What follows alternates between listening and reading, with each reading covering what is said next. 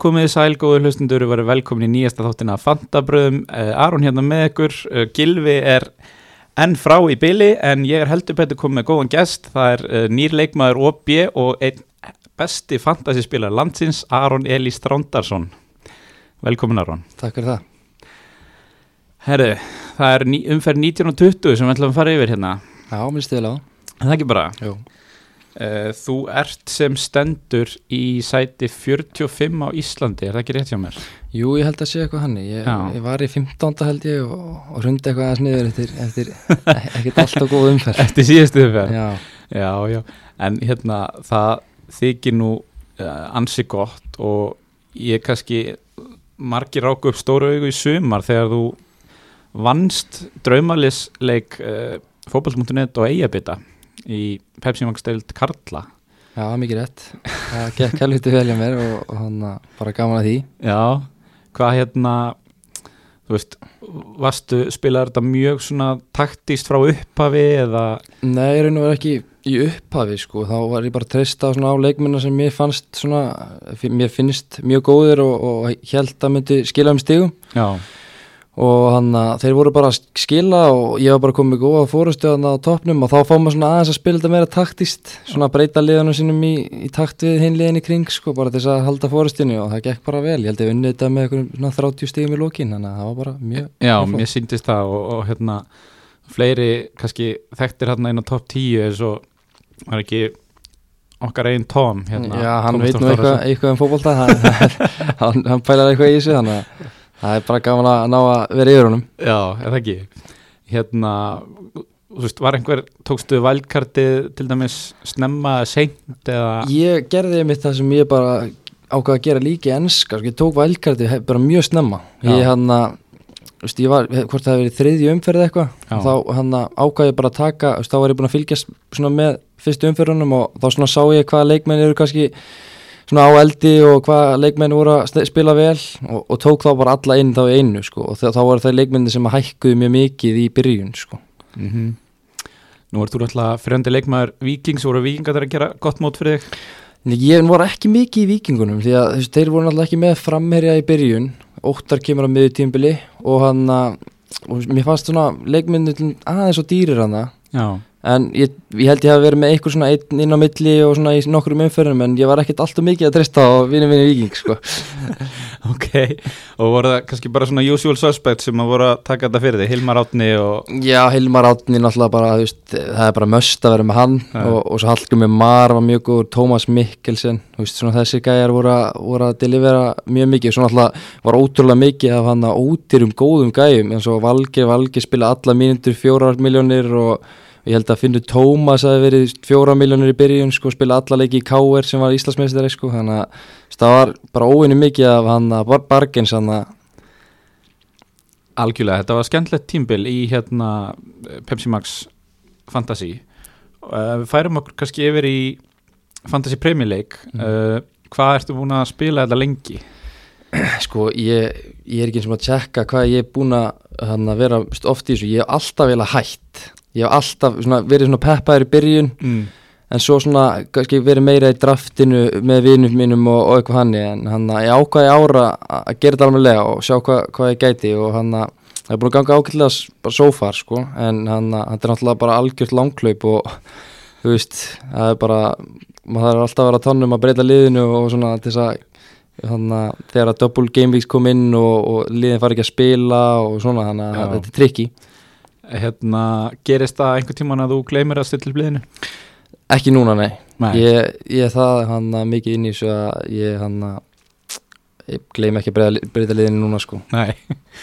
og hérna, og ert í svona þú veist, er einhver deild sem að þú ert svona, ert í harri keppni við viniðina eða liðsfélaga eða eitthvað svoleiðis? Nei, ég hann að borgaði mig bara svona, bara bara fönni, borgaði mig inn í eina deild eitthvað, ykkur, ykkur tvö, þrjú skall eitthvað inn og, veist, og hann að það er síðan að PGA, ég er í fjórðarsæti þar núna Já, og hann að það er, vi- vinnurinn tekur allt þar, hann að það er gaman líka, að hann að svona heldur maður líka aðeins í.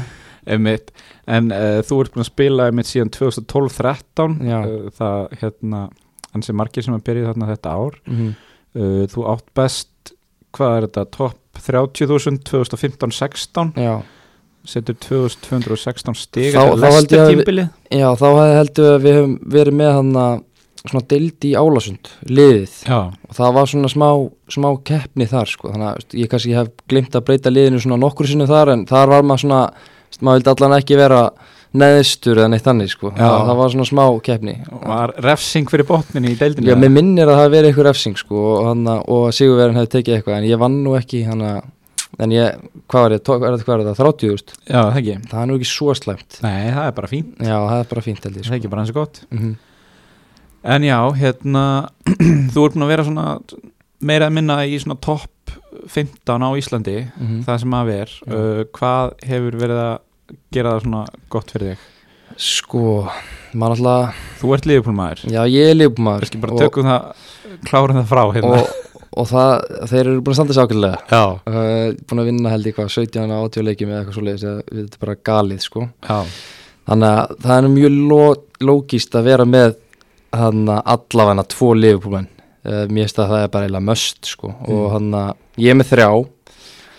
Um, ég gæti eitthvað svona hrókirar í því að framöndan um, hvort að ég, veist, ég sko málið með að ég tók Sala inn fyrir hann að nokkrum umfyrir síðan eða eitthvað svo leiðis og, og hann að Sala er fyrir mér bara leikmaður bara, bara besti leikmaður sem getur verið með í þessu fantasi hann, hann, sko, ef þú horfir á hann spila hann bara, hún er þystir í mörg hann er bara, vist, þetta er bara galið hvað hann, hann er markagráður og þannig gæði viltu, þú vilt setja fyrirlega bandið á þannig gæði, sko. Þannig, algjörlega þannig að hann skilaði ekki í þessari umferð. Ég var fyrir vonbröðum, hann klúraði dauðafæri hana en já fyrir mér bara, ég hafa verið erfittir um að losa sala, sko. Já, hérna við kannski fyrir svona áhuga saman hlustendur við lesum örsnökti við liðið. Það er uh, Vinci- Vincente Guaita í markinu mm. Martin Kelly, uh, Diego Rico og Trent uh, Sojongu og Lundstram í vörninni allt mjög vinsalir menn Mhm. uh, svo á miðinni er það Mane, Sala, De Bruyne Mattisson og Bukayo Saka sem svona varakall greinlega mm -hmm.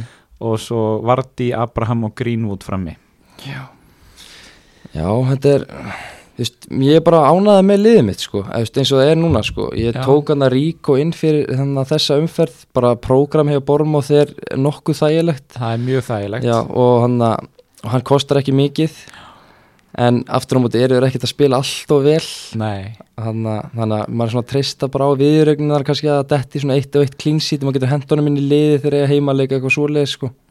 nákvæmlega, ég er alveg í sama pakka. Hérna, mann finnst þeir hafa náð að halda reynu í ótrúlegustu leikjum á þessu tímbili Já, hann að fyrir tímabili held ég bara að Bormóð væri bara sókn og engin vörn. Já. en svo bara var það akkurat öfugt því að ég held að ég hefði sko í byrjun tímabist hann að bara triplað upp á Bormóð-spilurum Fraser og, og, og Wilson og, og hann að, já, og King. Alveg rétt. En þeir, ég var fljótur að breyta því í valkartinu þeir átti frábært prógram í byrjun sem að stóð svo ekki undir nafni. Það, nei, það sama og, og, og Triple Everton var hjá mér sko. Já, þetta er svona það borgaði sig ekki alveg þá. Já, ég þurfti bara að hann að ég var fljótur að fara úr því en því ég, sá, ég horfði á leikinir í byrjun og það litið ekkert alltaf vel út þannig að ég, ég bara breytti því. Ok, herðu, ég hérna ætla að fá að lesa upp uh, yfirlýsingu. Hann uh, Gilvi Tryggvason meðstjórnandi minn í þættinum sendi mér yfirlýsingu og uh, hún er svohljóðandi. Þessi yfirlýsing er í bóði nefnju sem býður upp á bestu engakjænslu á landinu. Ég á erfitt með að koma í orð hvað ég er fegin að sitja í 30 gráðunum mörg þúsund kílometrum frá mikrofónunum í stúdíónu þessi jólin. Ég er sitjandi önd, svoleiðis pikk fastur í 2 miljónasta sæti overall og verðist aldrei ætla að rjúfa þúsund stiga múrin. Ég ætla hins vegar að koma sterkur tilbaka á nýju ári eins og sannu liðupúlstunningsmaður er ég handvis um að næsta ár verði mitt ár. Menn til að fylgjast með eru Joe Gomez, Mopey, Callum Wilson og Mares. Ég kem ferskur í næsta þátt og laka til að vekja upp lítum tilbaka, virtasta dagskráflið þáttarins þar sem allir fjórir munu fá að minnstakosti átta stig. Joe Gomez er búin að byrja síðustu fjóra deildarleiki og Liverpool akkurat búið að halda hreinu í fjórum leikjum í röð. Bandið fer á trend, eina, asísk og fagleg kveðja, GT. Já, það er, aldrei skoða Hvað segir um þetta? Já, svona, það er nokkru punktar hann að honum sem, að, sem að hann meika alveg senn sko Já Herðu, ef við hérna förum að uh, ég ætla að fyrir að dempa okkur í þetta. Uh, 19. umferðin spiluðu annan í jólum. Já, um, þú færð uh, 57 stig. Já hún leit bara hræðilega út að Arnold spilaði. Já, hún bara, ég treyst á Tammy heima múti Sáðundun, ég var vissum að að Tammy myndi nú allan að ná að, að, ná í eitt gólpoint en Já. það gerist ekki. Þeir tapa hana og hann þetta leit bara virkilega illa út þangað til að Leopold spilaði. Uh, já ég hérna bara verða að droppa spilunum borði hérna og segja að ég fjalli þá gildru að selja trendaran fyrir þessa umferð. Já, það voru nokkri sem, sem gerði það sko. Já og hérna við komum kannski betur að því og eftir en hann náttúrulega á þarna uh, framistöðu tímubilsins so far í Fantasí Já, náttúrulega varnamaður setur þrjár stóðsendingar eitt mark, heldur hreinu og fær þrjú í bónus. Já þetta var svakalegt sko. Sem skilar 24 stigum. Já, er- og hann, hann er náttúrulega ótrúlega dýr. Já. og, og hann og þegar leikmaður sem er dýr er ekki að skila fyrir því þá, þá er svo létt að að fara í það að selja hann sko. Já, og hann en ég, það, bara, það var ekki séns að ég var að selja hann sko því að á föstu leikadröfum hann og þeir spila bara þannig að hann er bara hann á kantinum að dæla boltanum fyrir. Á algjörlega sko markagráða Mane og Sala og, og hann að Bobby hann líka hann að veist, hann bara, þetta er bara bóka, bóku stig Algjörlega, ég hérna fjall svolítið í þessa gildru að þú veist, ég er búin að vera með ég var þá tvísvar á þessu tímbil ég er búin að vera með sko báða liðbúl bakverðina og mér fannst einhvern veginn í bæði skiptin var þetta að bregðast mér.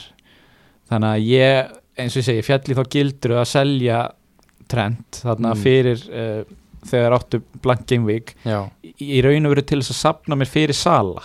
Já, og svo breytti ég sonn í sala þegar sonn fekk mitt og þetta skilaði mér heilum 6 stigum hjá Salaði við tvær umferðir. Já, Arnold er bara, þú veist, hann sko Liverpool vinnur sem að leiki svo mikið með mörgum mörgum og Arnold er bara svo mikill partur á sóknarleiknum að það er bara svo dýrt að vera ekki með hann þegar að allt í einu dettur inn á okkur eitthvað, þeir eru on fire og, og það fer 3-4-0 og hann er með tvæ stóðsendingur og halda hreinu. Algjörlega, algjörlega. Þannig að hérna, ég ætla alls ekki að útiloka að hann komi inn hjá mér í framtíðinni.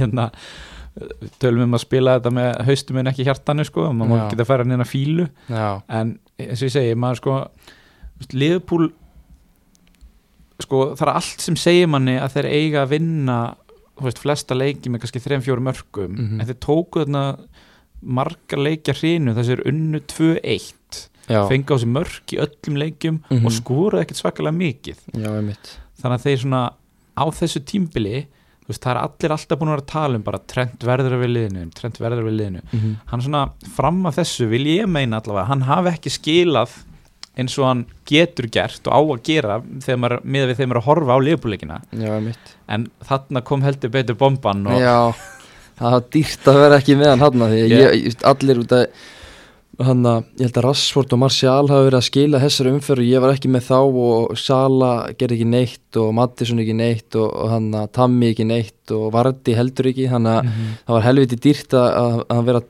þessi leikmenn voru ekki að skila og, og þá kemur bara trend og, og vinnu bara upp öll stígin sem að, að að Rassford og Martial voru að vinna, vinna upp þegar aðrir voru ekki með trend.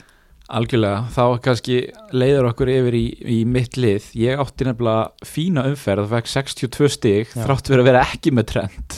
Já, ok. Þannig að hérna ég var með Rashford í kaftin og svo var ég með Martial uh, ég var með Dele Alli, Jack Grealish og Serge Aurier sem fengu allir stig í þessari umferð. Þannig að ég var bara mjög sáttur þanga til þessi liðupleikur kom. Já, og hérna af því að sko þetta var alveg að versta sem komið fyrir mig og, og það er svo fyndið.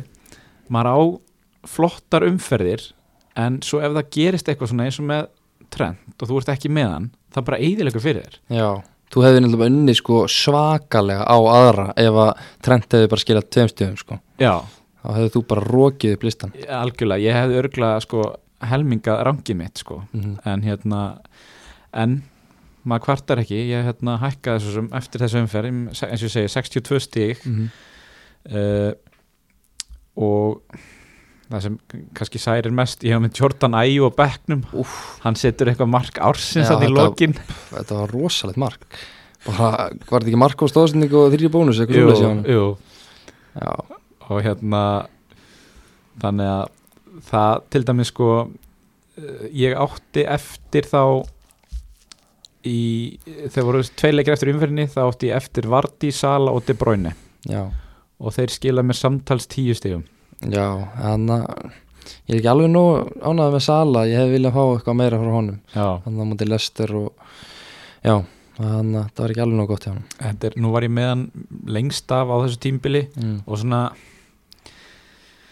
fannst þetta einhvern veginn ekki hann var ekki svona eins konsistent eins og hann hefur verið og Nei, hann hann getur. hann byrjaði tímbili bara illa. Hann, hann var ekki, hann bara lúkaði off hann var bara, lúkaði bara svona tapaði boltanum átt klaufalega og, og var ekkert að skora þú veist, og það var engin e ekkert sem réttlætti það að hann var að 12,5 miljónir algjörlega þannig held að margir að fara í það að breytunum í mani bara mjög fljótlega sko. Ég einhvern veginn þráaðist við að gera það ekki sko. mm -hmm. svo komið svo ökla meðsli á sala úr leikjum og lúka bara ekkert fitt hann er að spila Já, hann lúkaði bara meittur eftir þessi meðsli í alveg smá tíma Já. þannig að en svo hérna í Votfordi leiknum til dæmis að þá uh, hugsaði maður, já, já, gamli sala er komin aftur. Og í heimsmyndstarkeppni líka á lúkaði mjög vel, ég horfði á hann þar hann var svakalega hættilu þannig að ég maður reynir að, að halda honum eitthvað, eitthvað Mm. lengur. Og þeir eiga náttúrulega frábæra leikið hann í umfyrum 24 til 31 Já, langur sprettur. Og hvað segir þú, á maður að vera hrættur við þess að tóttinum á Master United leiki þannig?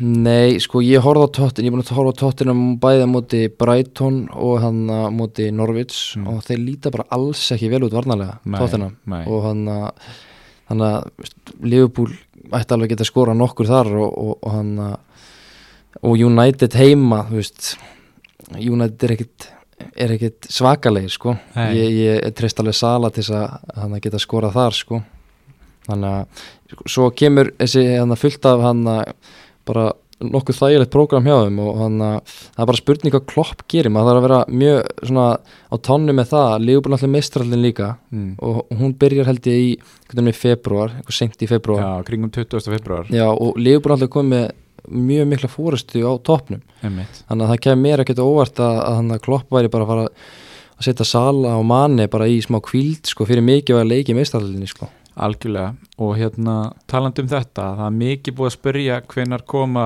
þessar sko double game weeks, Mhm. þar sem einhver liði eiga tvo leiki, Já, það er búið að staðfesta það núna og Vestham eiga tvöfalda umferð í umferð 24 já, sem hefst 21. januar þannig að það má svona alltaf þú halda þref, þremur Liverpool fram yfir það? Sko alltaf fer eftir framistöðunum en hann að mér finnst það líklegt. Ekki ég reynir kannski að lesa ef að hann að hvort hann kvíli eitthvað því að hann græn alltaf geta verið með kannski ef hann hvað sem er kvíldur eitt leikin mm -hmm. þannig að en ef ég myndi ég held ég verði að vera með Sala hann sko, því að hann að ég held, ég sá hann um átti lestri Sala var tekin út af og hann var brjálaður. Já, hann bara, sást það bara á hennum hann bara með hristi hausinn og, og var alls ekki sáttur og svo skora Leopold þrjú, ég held að Klopp viti það alveg að Sala þarf núna mörg hann Já. skoraði ekki senasta þannig ég held að hann sé að fara að kvíla manni meira heldur en Sala á næstunni og svo náttúrulega alveg típist að Liverpool fekk víti hérna tvei myndum eftir hann fyrir út af og Já, ég held, ég held hann sé alveg að það fyrir vel í hann að voru komin eitt nú lifir og Lesti var að fara að taka sjensa og hann hefði getað refsað þeim á, á counterinu og Já. hann tekin út af sko, þannig að. He- Hefur hann verið að spila frammi sem fremsti maður eða? Já, ég pæli mér mjög mikið í því sko, hvar, hvar leikmennir er að spila og hann að, ég vil hafa það bara sem næst markinu og, og hann, hann er búin að vera bara eiginlega frammi sko. Því hann er svona kantinu stundum skipti við Bobby og en svo er hann bara mjög oft frammi bara stinga sér hann inn bara konstantli sko. Þannig að hann er stór hættulegur en hann er ekki alveg búin að ganga upp í ánum svona fyrir þennan Watford-leik Já, hérna umferðin, umferðin náttúrulega sko Spurs vinnur Brighton 2-1 svona frekar ósamfærandi Já, ég horfði að Brighton, mér finnst þeir bara drullu góði sko. Þeir eru það og ég var eiginlega sjokkrar þegar ég var að heyra sko törurnar um stegasöfnun hjá þeim undarferðinu að því að já, þeir eru miklu betri heldur en hún segir til um sko. þeir eru í, ég held í 14. sæti eitthvað, þeir eru, mér finnst þeir miklu betri en það því að spörs er bara tómi tjóni sko. Já, og að Brighton hefði alveg getað að fengið eitthvað stig út úr þessum leik sko algjörlega og hérna sjáum að marki hjá Kane var mjög hefnistimpill yfir því að varnamaður Brighton sparkar í samherja sinn og boltinn dettur fyrir Kane sem að klára svo í annari tilhörun Já, þetta er svona þetta var vel pyrrandi fyrir mig sko því ég hann að tók, ég ákvað að taka frí hittin út að ég vil hann að umferðina undan þessari. Alveg rétt því að hann að þú tókst frí hitti þegar Leopold átti ekki leik Já, og ég var bara með þrjá og mér langaði að hafa á og ég gati ekki réttlætt að vera með sko 30 pluss miljónur á bekknum eða eitthvað. Mm -hmm. þannig að ég ákvaði að taka það og það hefnaðist ekki nógu vel. Um, ég hef viljað nýta það aðeins betur því að það alltaf fekk sonn raukt og, og þannig að spörs gátt ekki neitt á móti Chelsea og, og, og svo auðvitað umferðin eftir þá skora, skora Kane og Alli sem ég var með í fyrir hittinu en gerði gerði svo, já, fengum fullt að stigum umferðina eftir sko þannig að, já, nákvæmlega. Auðvilt að, að vera vitur eftir á við fengum, með miljón spurningar um það hvort að fólk ætti að taka frí hittið í þessar umferð. Já, mér fannst það ekki vörð þetta að þú varst kannski með, þú veist, tvo leifbumenn en ef leiðu ert með Sala og Mane mm. og allar að halda þeim báðum þá er bara, það er svo mikill peningu sko. var líka bara einmitt, leiðilegt að horfa á þá á umferðina þú Já. veist, spilast og, og Ég já, að uh, ég, þetta var svona eitt, sko bestu fa fantasymörkin mm. eru þegar þú færð stig bæði fyrir stóðsendingun og að markið já, já. og, og, og markið og Dele Alli var þannig hjá mér og ég fagnaði því bara eins og ég skoraði sjálfur sko. þetta var svakalegt mark hjá hann þetta var ótrúlega vel gert þannig að slúta þessu alveg upp í hotni algjörlega, hann vissi algjörlega hvað hann ætlaði að gera það er Já. alltaf gaman að það sjá þegar leikmenn hafa svona ákvörðuntöku sko, Ori er náttúrulega er, hann er bara að bara sem kampmaður hjá þeim og er bara ótrúlega ofalega og það er náttúrulega geggja fyrir varnamann en aftur um þetta varnarlega er hann algjör jólasveit Já, og komum kannski betra því og eftir. Hann setti náttúrulega stórkurslegt sjálfsmark já, núna. Komir ekki óvart.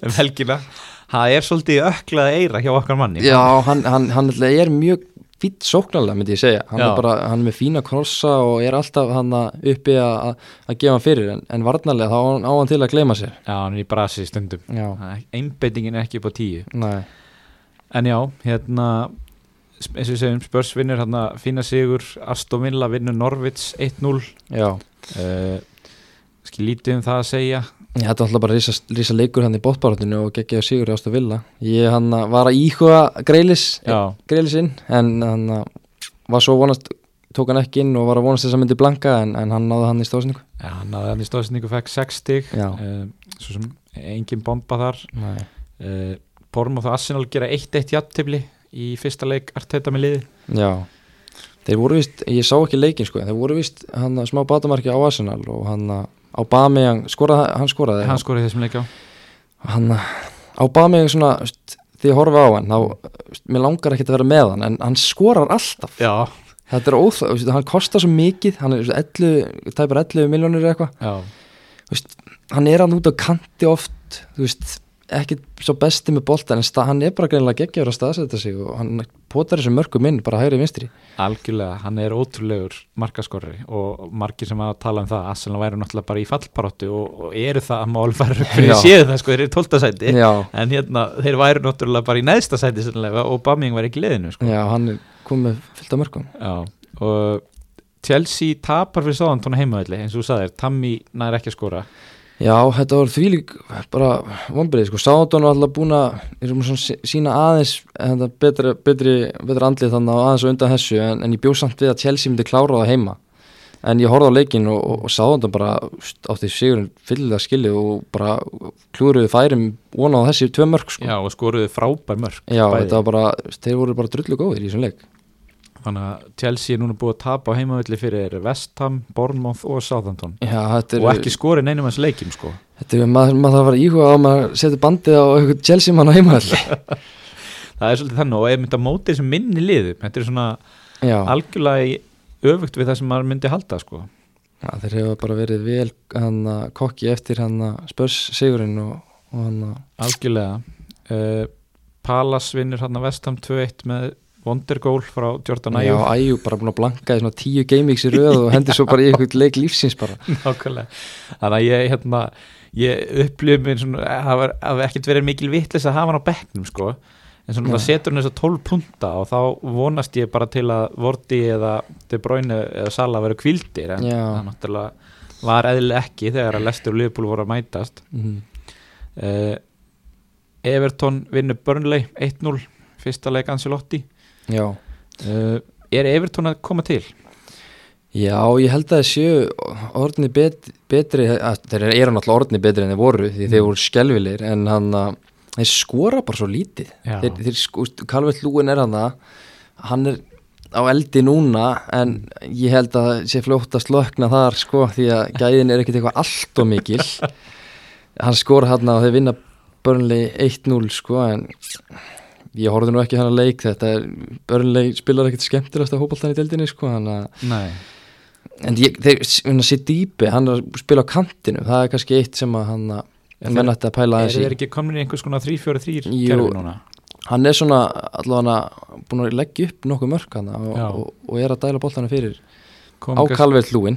komin kannski betur að þessum tveim mönnum og eftir Mhm. uh, Sheffield United gerir 1-1 jafntölu við Watford á heimavelli maður kannski hefði svona fyrirfram búist við þægilegum sigri Sheffield? Já, svona, Vottu er alltaf búin að sína aðeins betri lit samt. Já. Að eftir að ég horfði á mæti Liverpool og það, þeir voru ekki skelvilegir þar. Nei, nei, og hann að en Sheffield bara búin að vera geggjaðir og, og hann að spila bara verður bara drullu þéttir og spila hann að 3-5-2 kerfið og það bara virkar vel hjá þeim, ég tók að mitt hann að Boldok inn fyrir einhverjum umferðum og hann skilaði bara hellingastigum og hann fiskar hann að víti. Já.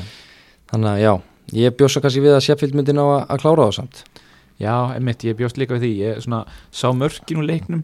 Ég var pínu vonsvikin með sko Dean Henderson í markinu á Sheffield já, að þegar að uh, Dale Feo sleppur allir gegn að þá á hann mjög þunga snertingu og ef að Henderson hefði bara aðeins reynd að koma á mótunum svona, mm mér fannst hann hefði alveg geta gert betur hann og það eru þetta helmingur spilara og allir sem að taka þess að einhver alvöru eru með John Lundstram já. Að hérna, Hann, það er einmitt málið sko með þessar spilar sem allir eru með. Þú veist, þeir eru ekki að fara að henda þér upp listan einmitt sko. Einmitt. Þú ert bara með þá til þess að vera þú veist, Já, bara tölum um kannski skildi og sverð í þessu, þetta er svona Já. Lundstram er svona ákveðin skjöldur hann já, hann er bara veist, búin að vera geggjaður og það eru bara allir með hann. Þannig að ef hann skilur einhvern stiga þá getur þú getur fagnaði að það fer stigaskorið upp en það fer hjá öllum upp. Já, já, nákvæmlega. Uh, Manchester United vinnur Newcastle 4-1 uh, Loksis skoraði eitthvað mörgum og ég glattist auðvitað mikið mér leiði svo, ég svona að halda með United bara, já, ég fagnaði hann að þrema fjórum mörgum, Martial og Rashford að setja setja mörkin. Já, ég sá þennan leik og hann að Newcastle kennst yfir hann í byrjun og þetta leit nú ekkert eitthvað allt og vel og, út. og svo bara gáði þeir þeim hvert markið á já, þú Silfur brafka bara mallaði all, all va- svaðalega á sig hann í fyrsta markinu, bara gefins mark á Martial. En svo veist, voru United bara fínir sóknarlega og voru að nýta sér þessi mistök og, og hann að Rashford og, og Martial bara líta mjög vel út sko. Gaman eins og Greenwood líka, hann skorar. Já, ég er einmitt með hann og hann, að- er með hann á bekknum en samt svona gott fyrir mig að hann sé allavega að fá okkur mínútur og, og, að standa sig því að þá náttúrulega fær hann ennþá fleiri. Já, einmitt. Uh, einmitt, við vorum nánast búin að kofera hann Sigur Liverpool á Leicester 4-0, þetta er bara sennilega besta framista einhvers liðs á tímbilinu í deildinni? Já, bara hlýtur að vera því að, þetta leiti ekki út fyrir fyrsta á móti öðru sæti allavega, það er nokkuð ljúst Nei, einmitt sko, þú veist, þetta er liðið fyrst seti á móti liðin í öðru, þú veist, á útivelli maður hefði svona ekki búist við allavega jafnari leik. Já, þetta var þetta var svakalegt domination og, og Lester komst bara allavega út úr bara bóksinu sín Já, ég hérna, var nú svo óöppin að sjá ekki leikinu, var í, í jólabóði en ég kíkti á tölfræði í hálfleik og það, hún var sjokkarandi, það var bara 0-10 í skotum held ég. Já, og Mattisson átti hræðilegan leik, hann, hann var vel perraður, ég var bara hrættir að myndi fá svo rau, raukt spjald sko. Já, en hann og Vardi fekk ekki úr mikla móða hann upp á topp. Og fyrsta blanki hans í hvað bara, ég veit ekki hvað lengi sko. Já, já. Uh, Talandi um Mattisson, er, ertu eitthvað að pæli að losa þig við hann?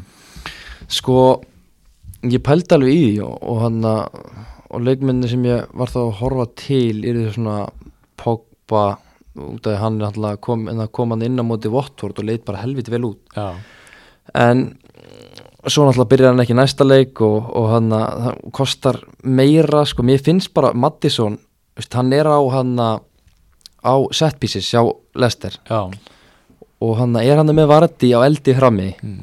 Mér finnst, veist, ég borgaði hvað 7 miljónir í fyrir hann held ég, ég held að ég er komin upp í 7,7 já, að mér finnst það bara veist, veist, það er svo ódýrt með að við leikmann sem er að spila í liði sem er að skora mörg og, og hann, að, hann er búin að vera til lifera þannig að ég veit, hann prógram er ekki svo slæmt framöndan einmitt, svo sem nýbúnir Manchester City og Chelsea, nei og Liverpool. Hann er kvildur í seinasta leik þannig að og þeir eru að njúka sér úti þannig að ég held ég get ekki losað hann út kvildan fyrir næsta leik því að það er, það er þvílít rotation risk í næstu umferð sko. einmitt uh, myndur, þú veist, þú ert ekki einu svona pæli að taka inn Martial fyrir sko, ég hann að hef alveg pælt í því sko en hann að veist, mér finnst bara Martial, Martial hefur gegnum tíðan að verið mjög injury prone, hann Já. hefur mjög mikið meittur Já, og ég pældi einmitt fyrir jólatörnuna bara það, það, er ekki séns að Martial fari heilli í sig geg- gegnum þessa jólatörn því að hann að, ég bara vildi ekki taka hann inn sko, Nei. hann var eitthvað meittur líka þar á undan og svo er hann búin að sokka, sokka mann og búin að vera að skora sko, þú veist og það er náttúrulega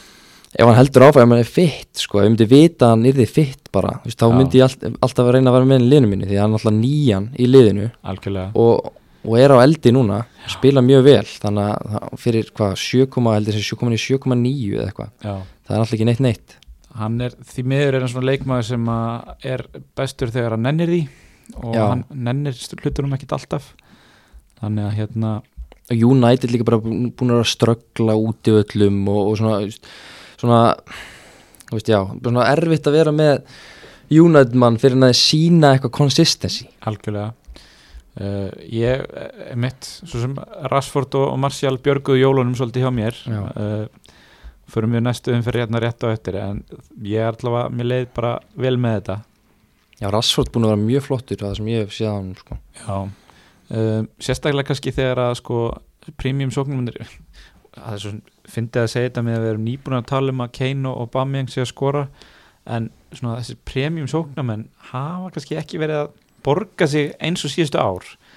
Þannig að þýleitunum til hefur verið auðveldar að taka inn mann eins og Rashford sem á, var á 8,5 Já, klálega sko, ég hann að mitt pæli mjög, pældi mjög mikið í því að hann að mér finnst mest að valju að vera með peningin í miðjunni. Já, því að þú ert með, þú veist, Sala, þú ert með Mane, þú ert með De Bruyne sem er bara algjört möst að vera með. Mm, þú veist, Alli hann líka þú veist, þú ert með fullt af dýrum sem eru mjög góðir þar. En svo ertu líka með þess að það er alltaf allir með þú veist, hann var á eitthvað nýju eða eitthvað, eitthvað Mhm. svo leysi byrjun og hann að og svo Rassort er að skila, veist, Tammy er ekki dýr, hann er, að, hann er búin að vera að skila veist, þá finnst mér bara svo erfitt að réttlæta það þú veist, að borga 11 miljónir fyrir Kane eða Aubameyang sem svona er alveg að skila kannski svona inn á milli en þú veist, Mhm. fyrir 11 miljón 11 miljónir, þá viltu bara eiga inn í bombur, Algjörlega. þú vilt geta sett bandið á það og bara búast við marki og stóðsending og þremi bónus algjörlega algjörlega uh, umferðin lauk á sjokkarandi Sigri Fúls á Manchester City. Já, ég, ég sá það, það var, svo- það var svakalegt sko. eftir þennar leik þá voru liðupólum að spyrja sig hver er að skrifa þetta handrit. Já, sem þetta að- alltaf Ederson fekk raukt þarna og Já, og, og sem sitt í kemst í 2-0 sko, manni færri. Já, og virðast vera að sigla þessu heim og þá bara setur Wolves þrjú í grímuna þeim. Já, ég hann að Alltaf er þetta að vona að allir sem átt, voru með sitt í varnamenn í byrjun tímabili sem búin að losa það því að þeir, bara, þú veist, þó er hafa haldið hreinu senastæli þá er sitt í vörnin bara alveg bara hræðileg sko. Já, og Ég man ekki eftir að hafa séð reyndar sitt í varnamann bara í neinu liði í svona tíu Nei, ég held að fr- ma- ég held ég hafi byrjað að taka inn Laporte og, eða Laporte og, og verið að vonast þess að hann myndi byrja að skila og hann meittist hann alltaf en, en þeir eru búin að vera bara alveg að leka allt svaðalega. Algjörlega. Uh, Traore og, og Jimenez eru þarna með mark og stóðsending á mann.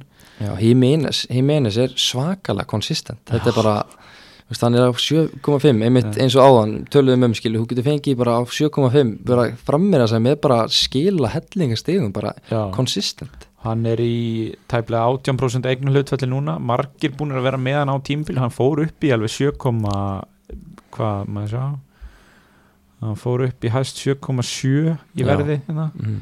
uh, menn voru að losa hann þó hann var að skila þetta Já. var alveg bara áriði Já, Þetta er half ótrúlegt og þeir eiga núna Watford, Newcastle og Southampton næstu þreymur uh, áður en taka við svona fjóru erfið leikir eftir það að hérna, En Wools er eiginlega bara betri í þeim leikjum sko það er reyndar alveg, alveg magnað sko uh, færum okkur þá kannski bara yfir í næsta leik hjá Wolves. Þeir spiluðu síðan við Liverpool strax eftir þetta. Uh, svona eitthvað sem þú tekur út úr þeim leik? Ég horfði á hann sko bara Wools eru þeir eru bara erfið við eiga sko. Já. bara Liverpool var svona betri framan af en, en svo var bara í lokinu voru bara í nöðvörn og, og hann að Adama Traore kom hann inn á bara var eitthvað að skrýmsla í gegnum alla og, og sá, sá er bara með sjálfstyrsti í þessa dagana sko. Algjörlega og þetta var bara svona veist, þetta var eins og horfa á leik í bara svona fjórðaflokki eða eitthvað, þeir bara setja kantmann inn á og hann bara dominatar Þetta, þetta var svakalegt á móti City, þú veist. Benjamin Mendy var bara, hann bara skalf bara í hvers skipti sem að að Traore fekk boltan og ég held að hann að verið með svona, svona 15 successful dribble í þessum leik því að þetta, bara, þetta var galið sko. mér finnst líka með Traore, maður bara svona þú veist, maður sér þegar hann skjóta boltanum þú bara finnur það á bara hljóðinu í, það, í því hvernig boltin fer í markið hvað hann er með þykk læri. Já, þetta, hvað hann er vöðvaður hann er alltaf bara, bara vaksin eins og amerísku rúpileikma sko, þetta er bara svakaleg líka hann uh, hérna, en Liverpool vinnur hennar leik uh, 1-0 Já, við ætlum ekki að fara að taka þess að var umræðu hérna hún er ansið já sleppnið því. Uh, Manchester City vinnur Sheffield 2-0 og De Bruyne sittur uh, Marko stóðsendingu. Já, bara ef, ef þú ert ekki með Döbróinu í, í liðinu þá pff, veit ég hvað að gera sko, því, að, því hann er bara allt og góður í, í hann fyrir það sem hann kostar sko. ef við tökum topp þrjá fantasleikmenn það sem að vera tímbils erum við að tala um Vorti, De Bruyne? Manni kannski. Já, já, já, örgla þeir þrýr svona í fljótu bræði en þessi Döbróinu hann byrja náttúrulega, hvort byrja held hann á 9,5 eða 9 já, hann byrja 9-5 9,5, þú veist, það er náttúrulega bara galið með hvað hann er búin að vera að gera sko, því, að, algjörlega. því að nú er hann líka búin að, veist, búin að vera að spila svona sem á kantinu sem kemur inn á miðjuna og alltaf hann í hættulegum svæðum til að setja hann í gegn og, og á ágæti sóknarmenn sem hann er að gefa á. Þannig að, já, já, talandi um það, Aguero kemur inn í þennan já. Og skorar að sjálfsögðu. Aguero er svona, þú veist ég get ekki tekið Aguero inn því að hann, hann, hann er svo dýr mm. og hann er svo oft meittur að þú veist það, þegar sitt í spila þá er það bara vona, vonast þess að hann ger ekki neitt því að, því að hann, veist, ég get ekki verið með 12 miljón, 12 miljón krónar mann sem er meittur alveg sama og hérna alveg sama hér. Og mjög svona ágætis punktur sem að Jói skúli kom með hérna í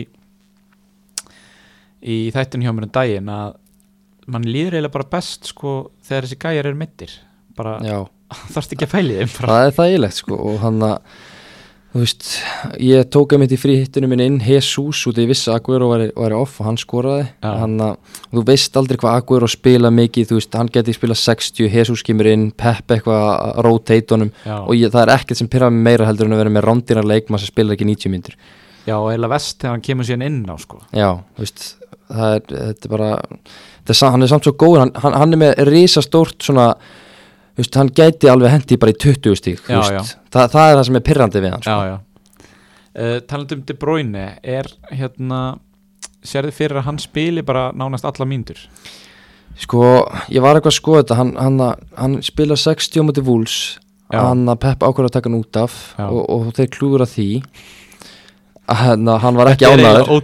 hann var, hann var hristi hausinn þegar hann var alveg búta og ég sá það að hann var ekki ánægð með þetta og, og, hann, og, og þeir klúruðu því. Svo hann spila hann 90 held ég á móti en að Sheffield eða allavega megnaði leiknum. Mm. og svo er náttúrulega stutt í næsta leik sko, þannig að maður veit aldrei með Pep. Nei. ég, ég myndi ekki mæla með að setja bandi á De Bruyne fyrir næsta leik. Nei, nei, því að veist, hann, hann spilar alltaf eitthvað en þú veist, það er, væri fáranlega pyrrandi ef hann væri á bekknum og myndi koma inn í 20 myndur og þú verður með bandið á honum algjörlega. Þannig að ég- þú veist, ég þóri eiginlega ekki að setja bandið á De Bruyne. Nei.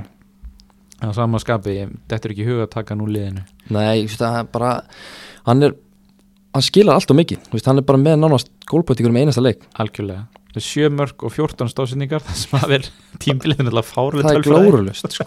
Þetta er bara ef þú sinna tveir þá er hann bara að enda í 28 stafsyningum það er bara uh, Nú er ekki, ekki vissum að, að þetta telji allt og náttúrulega fantasy stóðsending getur verið varið skot eða slíkt sko. já, þannig að ég er ekki vissum að telja allt uh, ég ætla ekki að fara með tölfræðin fyrir uh, skráðast ásendingar af Premier League. Líka sjö mörgs fyrir miðjumann þegar Já. tímabilið hálnað það er það er helviti gott. En uh, metið er 20 stóðsendingar og náttúrulega ef einhver er að fara að slá það þá er það já, mér kemur ekkert á vort uh, ok uh, í síðasta leik uh, sundagsins, gerdagsins þá var það Chelsea sem vann Arsenal 2-1 já, ég sá fyrirjáleiki þar. Já, og, og það er, voru Arsenal bara helviti góður og hann kom bara fáralega óvart að hann, þeir voru bara dómir að Chelsea. Þeir voru bara miklu betri satt að segja. Og hérna Chelsea bregðast, bregst við með því að gera breytingu á sínu liði. Uh, setja e Horginjó inn á eftir Já, 34 það, ég, svona eftir á er það lítur um helviti vel út Lampard að hann, hann tók E- Emerson út af og, og Horginju inn og breytti aðeins svona planinu hjá þeim. Og eftir það byrjuðu þeir svona aðeins að þjarma af Arsenal-mennum svona í lok hálfleiksins, svona seinustu kannski fimm mínútur þá byrjuðu Já. þeir að spila aðeins betur. Já. Uh, Aubameyang skorar eins og alltaf. Já, bara svona akkurat svona svoleiðismark bara tekur sénsinn og. Emerson er hann sofandi og, og næra að klára þetta Já um, Horginjó jafnar síðan leikinn og Já. hérna, horfður á leikinn eða? Ég sá ekki setna áleikin en ég sá svo bara mörkin eftir á og Leno leit alls bara skelvilega út í því, því marki Já, þetta var svona uh, fríminútna mistök Já. hann hjá honum og Abraham skora síðan uh, sigumarkið uh, hva- nú ert þú með Abraham ekki? Jú, ég var að treysta á Við dætti dætt ekki til hugar að, að selja Tammy allana fyrir Arsenal því að, því að sóknarmennir á móti Arsenal er, ég erum líki í því að skora. Þeir gefa yfirleitt. Og, og hérna já, það sem lítið að segja um þennan leik nefnum bara, Willian er búin að líta mjög vel út það sem ég sé. Já. Bara, veist, hann er hvað 7,1 og verðist bara að vera að fá mikið tröst hjá Lampard. Spila svona nokkuð mikið að mínútum. Fa- spila bara langflesta leiki og, Já, og hann að hann og Mount eru að skipta aukaspinnunum um milli og svona hotspinnum og hann þannig að, já, þú veist, hann svona kannski ef hann væri aðeins ódýrari að Já. þá hann að væri maður kannski búin að taka hann inn. Þetta er svona spurning sko, ef þú ert farin að- að vilt greina þig frá svona fjöldanum veist, þá sem eru með þessar venjulegu leikmenn mm -hmm. þá getur þú tekið inn Viljan veist, hann er 5,5% sem eigan Já, einmitt. Þannig að átti, átti risa performance hann á móti spörs einmitt. Einmitt. Uh, Ertu eitthvað að pæli að selja Tammy? Sko, nei, ég held, ég held veist, Tammy það sem ég séð á hann, mér finnst hann bara ókslega góður og, og ég horfði á hann á Tottenham, hann skoraði ekki þar en samt, þú veist, það er erfitt að dekka hann, hann er stór, hann er ekkit allt og hægur, hann, hann er fínn að klára færi sín, Mm. þú veist í liði sem spilar sóknabólta og, og er með hellinga góðum hann að sóknamönnum til að búa eitthvað til fyrir hann mm. Mm. og hann kostar hvað, 7,7 eða nei, 7,8 núna. Veist, ég held ég hef borgað þú veist, 7,6 fyrir hann. Já. þannig að veist, ef ég sel hann þá veist ég, ég finnst bara erfitt að replace hann veist, með einhverjum gæja sem getur það að hann sé betri. Mhm. fyrir þetta verð þar að segja. Ég seldi hann eftir Manchester City leikin já, þegar hann uh, meittist hm.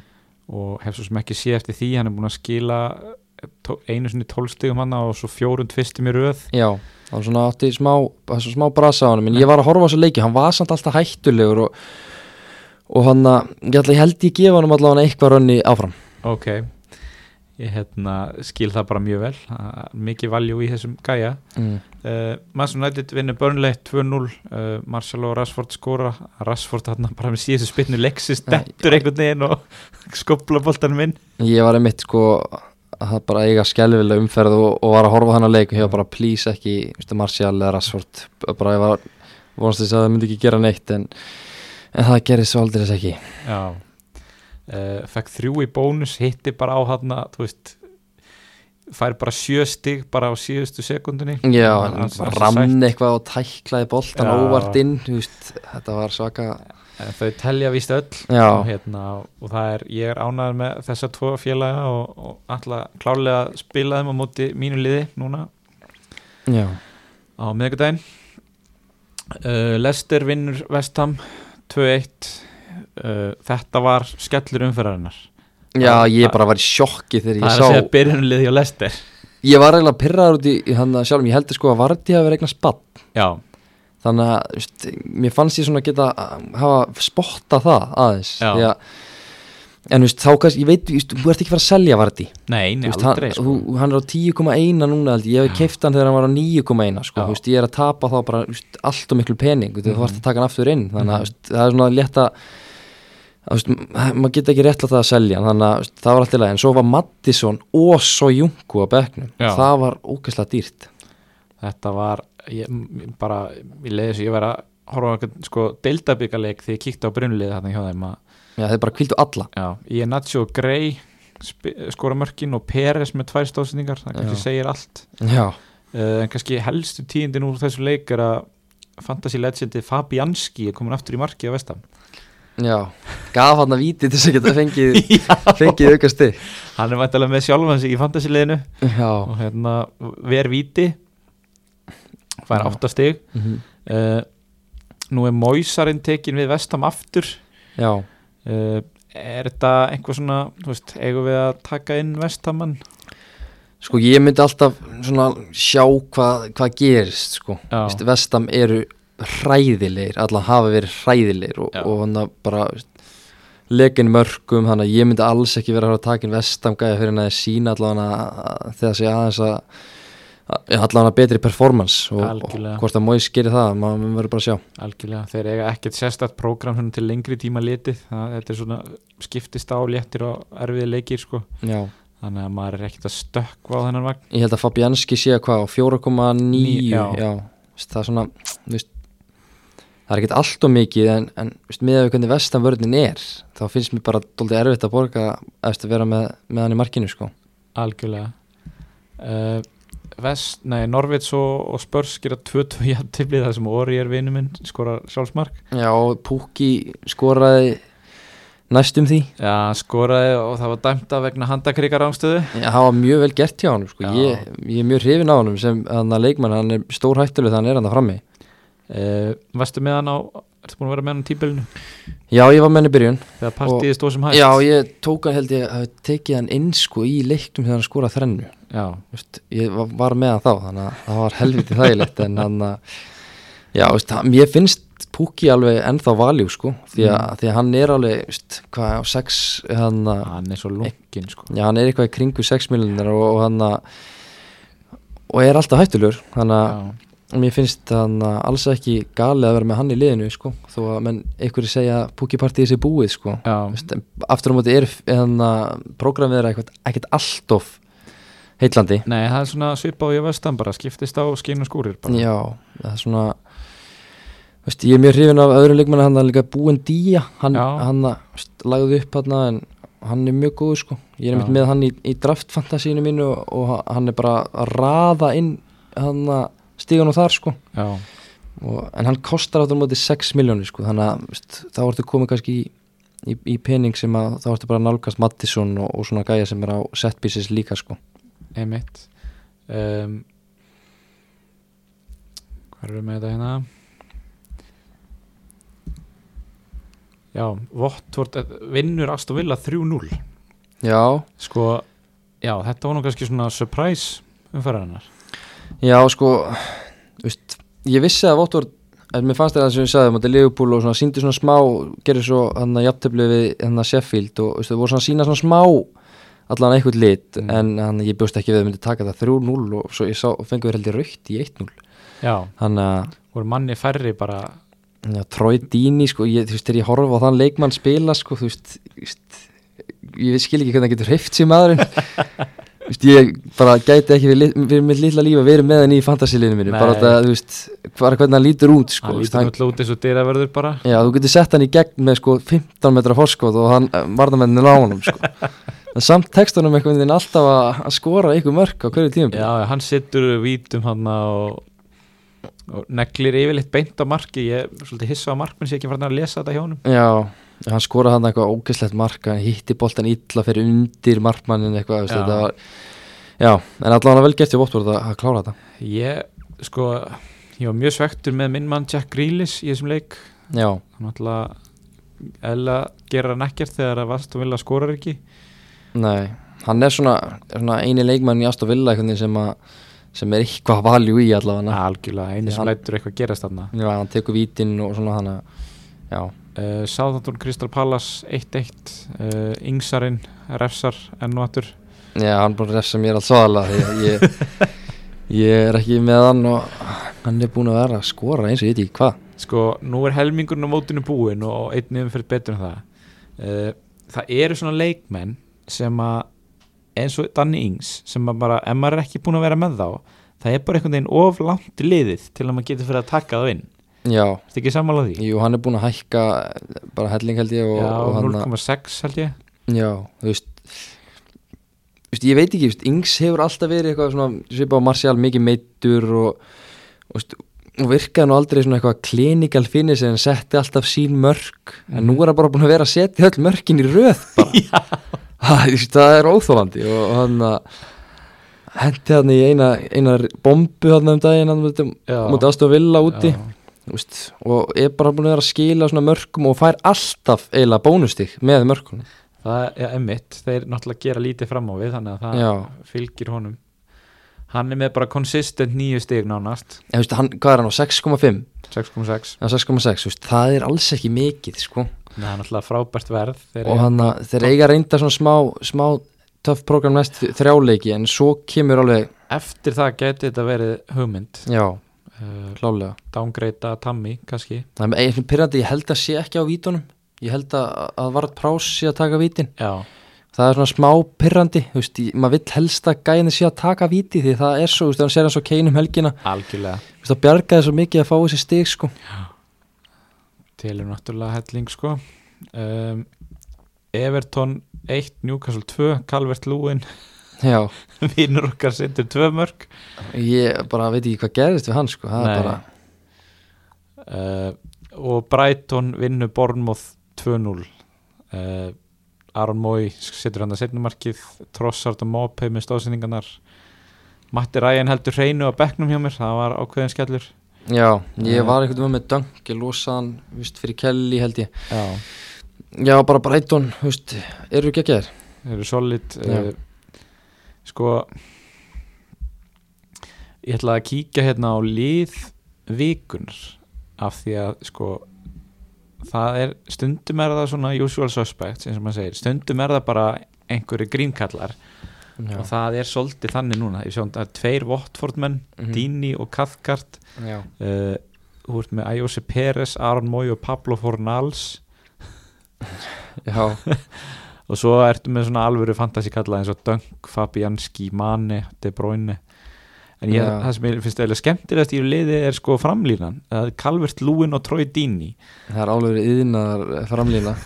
ég ætla að segja sko, það vantar eiginlega bara skólastjóra gamla skólans, Duncan Ferguson til að hanga þarna frammi með þeim sko, sko, það sem ég vil hafa allan í, svona, þegar ég er með frammerja, er að, að það sé svona, svona allavega létt klinikal in front of goal, sko, veist, að, og það er bara svona anstæðan sem Calvert Lúin hefur verið allavega, en svo getur frammerja alltaf farið, fengið sjálfströst og hitt á svona rönn, en ég bara persónlega hef ekki trú á því að það muni bara halda áfram í einhverja marga leiki, sko, Já, gæti haldið eitthvað smá áfram, en ég myndi alveg passa með eitthvað að hoppa á þann vaks, sko. sko, ég ætlaði nú kannski að koma á núma eftir við tökum þetta bara núna. Þegar ég er núna sitt í næsta leik. Já.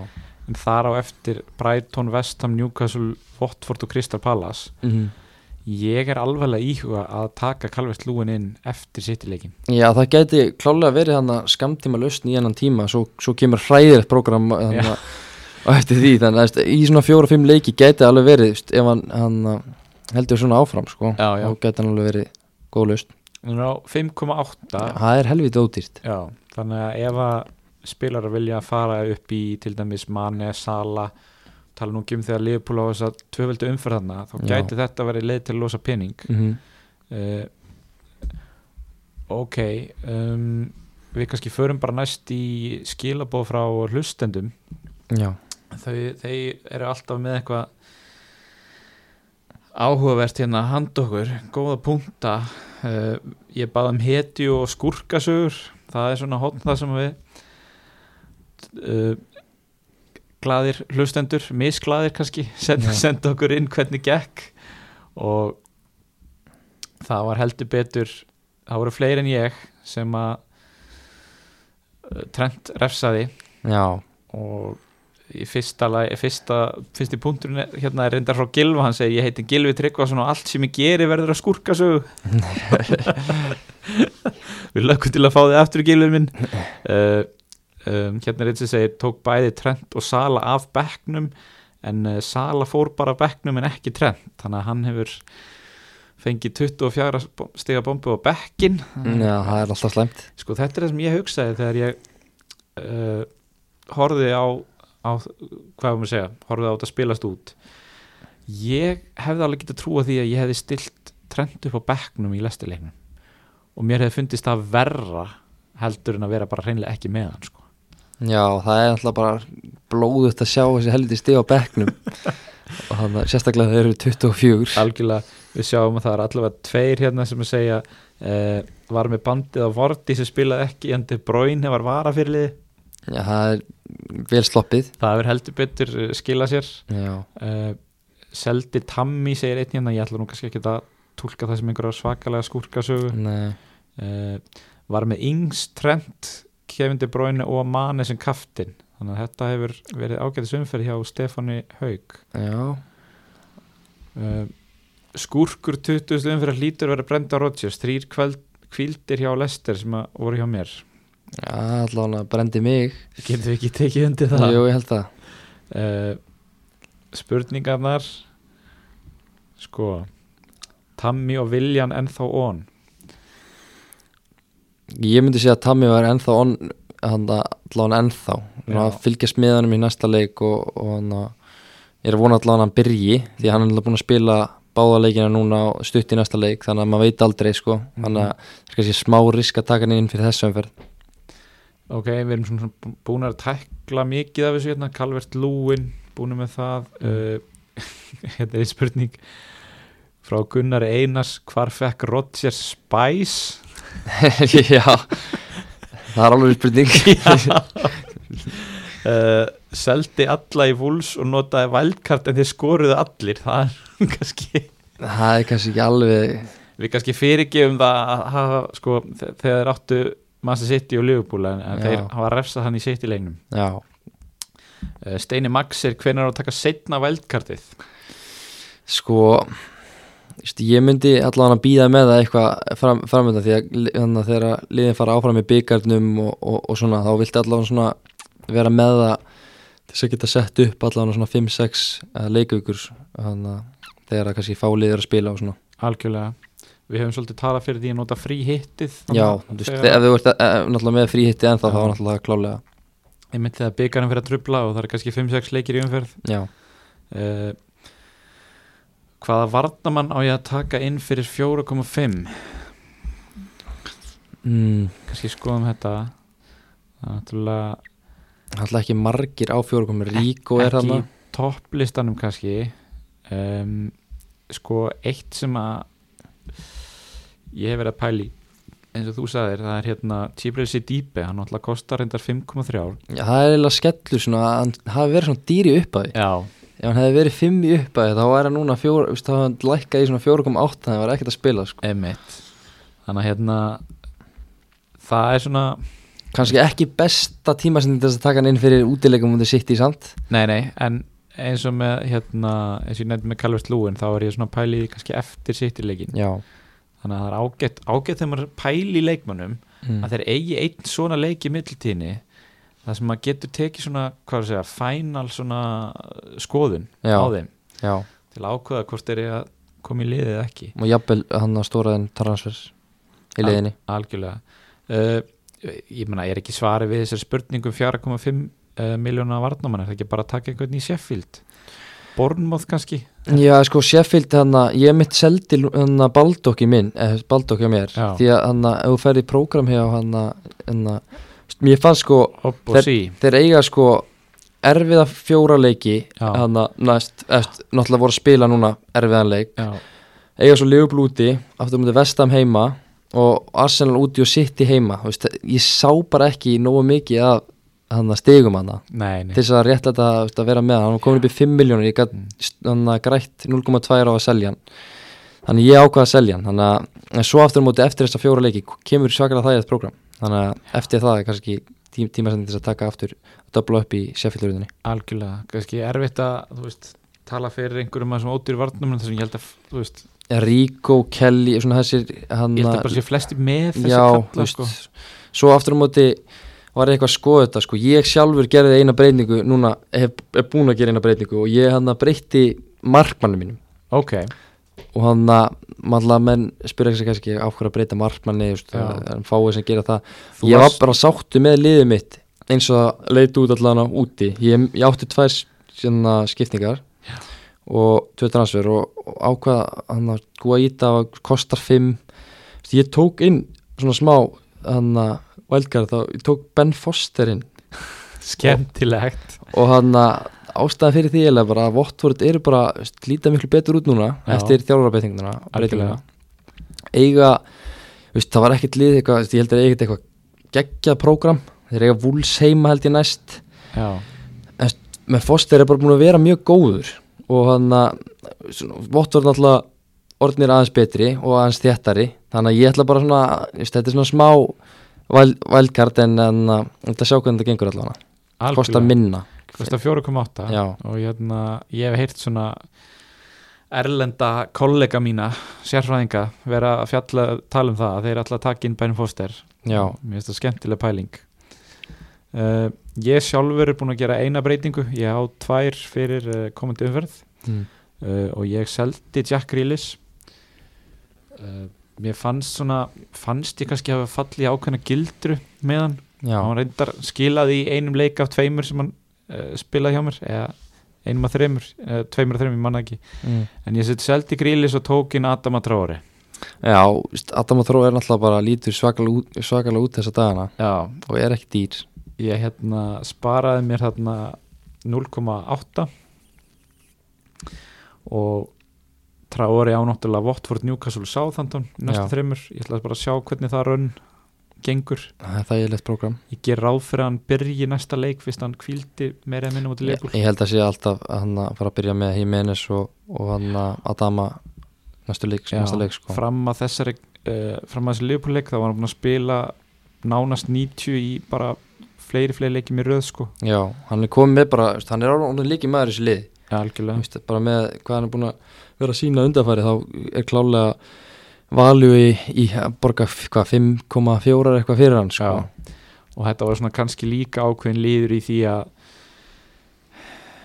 það er svo, það er svo leiðilegt að vera alltaf að sko fara í ringi með þetta að vera að selja menn og kaupa á síðan aftur og ég veit ekki hvað og hvað en þetta var svona ákveðin líður að kannski að sapna fyrir trentaranum aftur. Já, og þá ég ætla að vera með Oriér núna í næsta leik er eiga Southampton. Já, svo Liverpool þar og eftir ég er ekki frá því að ég muni svissa á þeim þannig fyrir Liverpool leikin já, það var nú ekki alltaf vittlust líka eiga trend fyrir uh, tvöföldu umferðina. Já, um, þannig að hérna svo lengi sem að klopp hann skell ekki Gómez í bakverðin eða eitthvað svoleiðis, það er vel þreytt. Ekki segja þetta. En það er náttúrulega alveg líklegt sko. Uh, maður veit náttúrulega aldrei með klopp og pep. Þeir eru bara þekkti fyrir að rótita liðinu. Algjörlega og kannski þú veist þau tvö lið sem hafa helst efni á því Já, Vist, og ég er mest hrættur um það þegar Liverpool er komið með það mikla fóristu í deildinni já, að klopp sér bara svona það er meira valjú í að kvíla leikmennina og taka kannski á sig jafntefli hérna í þessu leik Mhm. staðið fyrir að vera með á þreytta í meistarhaldinni Mhm. því að hann alltaf reynir að vinna bá, báða byggarana ef við hérna, skoðum aðeins komandi umferð sem fer fram uh, nánast öll á nýjónsdag Já. uh, hvernig líst þér á þetta? Bara svona, þetta er nú nokkuð trikki umferð sko. Veist, það er ekkit eitthvað svona veist, clear captain choice sko, myndi ég segja veist, ég, ég persónulega ætla captain að varti út kvíldan mér finnst það svona mest annars ertu bara komið í, í he- mjög mikið svona rotation risk, á Sala Mani og veist ekki hvort þeir spila 90 þú veist, De Bruyne sama. Kane búin að vera þreyttur, ég lúkaði þreyttur á mútið Norvits en, en úti á mútið Soundon ekkert eitthvað allt og veist, allt og fyrir já, eða svona allan með Soundon búin að vera aðeins betur undarfarið þannig að, veist, ég held að besta choice sé hann að útkvíldu Vardí Já, ég er með bandið á honum uh, alveg sammálaðir að hérna er við vissum hann spili? Ég, það hlýtur að vera, þú veist, hann spilaði ekki alltaf leik og hann, hann missir ekki að tveim leikjum út af hann að badningin, ég trúi því nú ekki. Hugsa nú ekki um, Svona sá leikur sem að maður er kannski spenntastur að horfa á er uh, Arsenal Master United Já, það er, það er bara erfitt að segja um hvernig það sá leikur fer. Ég er nokkuð vissum að bæði lið skori allavega það, Já, kemur ekki óvart, hann að Aubameyang hendi eitt og, og, og kannski Rashford. spurning hvort að Martial sé tilbúin í hennan leik þú veist að hann er búin að spila alla leikina nánast undarfærið já, ég ætla að vona að ég held að þeir byrja um alltaf það getur ekki hann að verið ef hann er heill því að þeir þurfa bara þessi stig. Algjörlega, þetta er náttúrulega mid-table slagur þarna. Já, veist, bara United, veist, ef þeir vinna Chelsea er að tapa stigum veist, Spurs er að tapa stigum þannig að fjóraða sæti er bara nokkuð up for grabs. Já, það er svona up for grabs. Eins og ég segja uh, ég ætla alltaf að vona að Martial byrji og hérna ég eins og segir, þetta er svona varti í kaftin, þetta er svona pínu erfið umferð, tala nú ekki um þegar allt þetta rotation risk er komið inn í já. klakka til að sjá nýja manni minn Adama Tróri á móti Watford. Nei, það verður þægilegt bara þegar að bara rotation riskið er farið þú veist, það er komið vika á milli leiki og veist að gæðin er að fara að spila.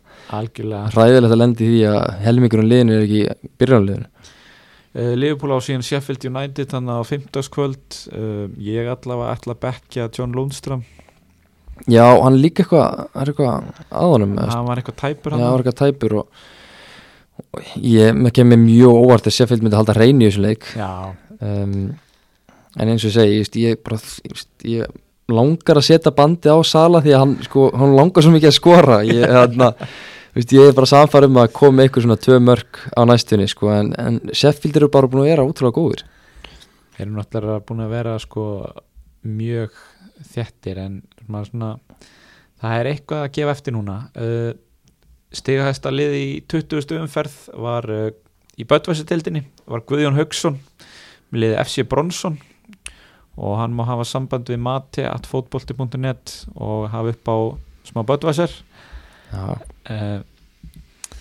það er nú bara kleður já, það er alltaf gott. En það ekki?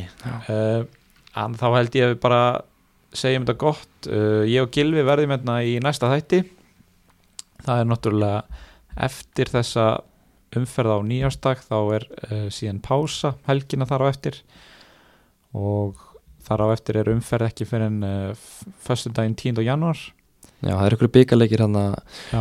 inn á milli þessar leikja að, byggarinn alltaf fyrstu helgina í januar mm. uh, en við bara þökkum ykkur fyrir að lusta Aron, takk kærlega fyrir komuna. Já, og gangi er sem allra best hjá nýja félaginu Já, og hérna, og ég fantasíu þetta. Já, því sem skiptir öllu máli. Já, stefni sigurinn á Íslandi. Er það ekki? Já, Ég held með þér. Nafnum mínum og hérna og við heyrumst í næsta þætti og aldrei að vitin um að Gilvi komi hérna mis rest tilbaka. Uh, Takk fyrir og heyrumst næst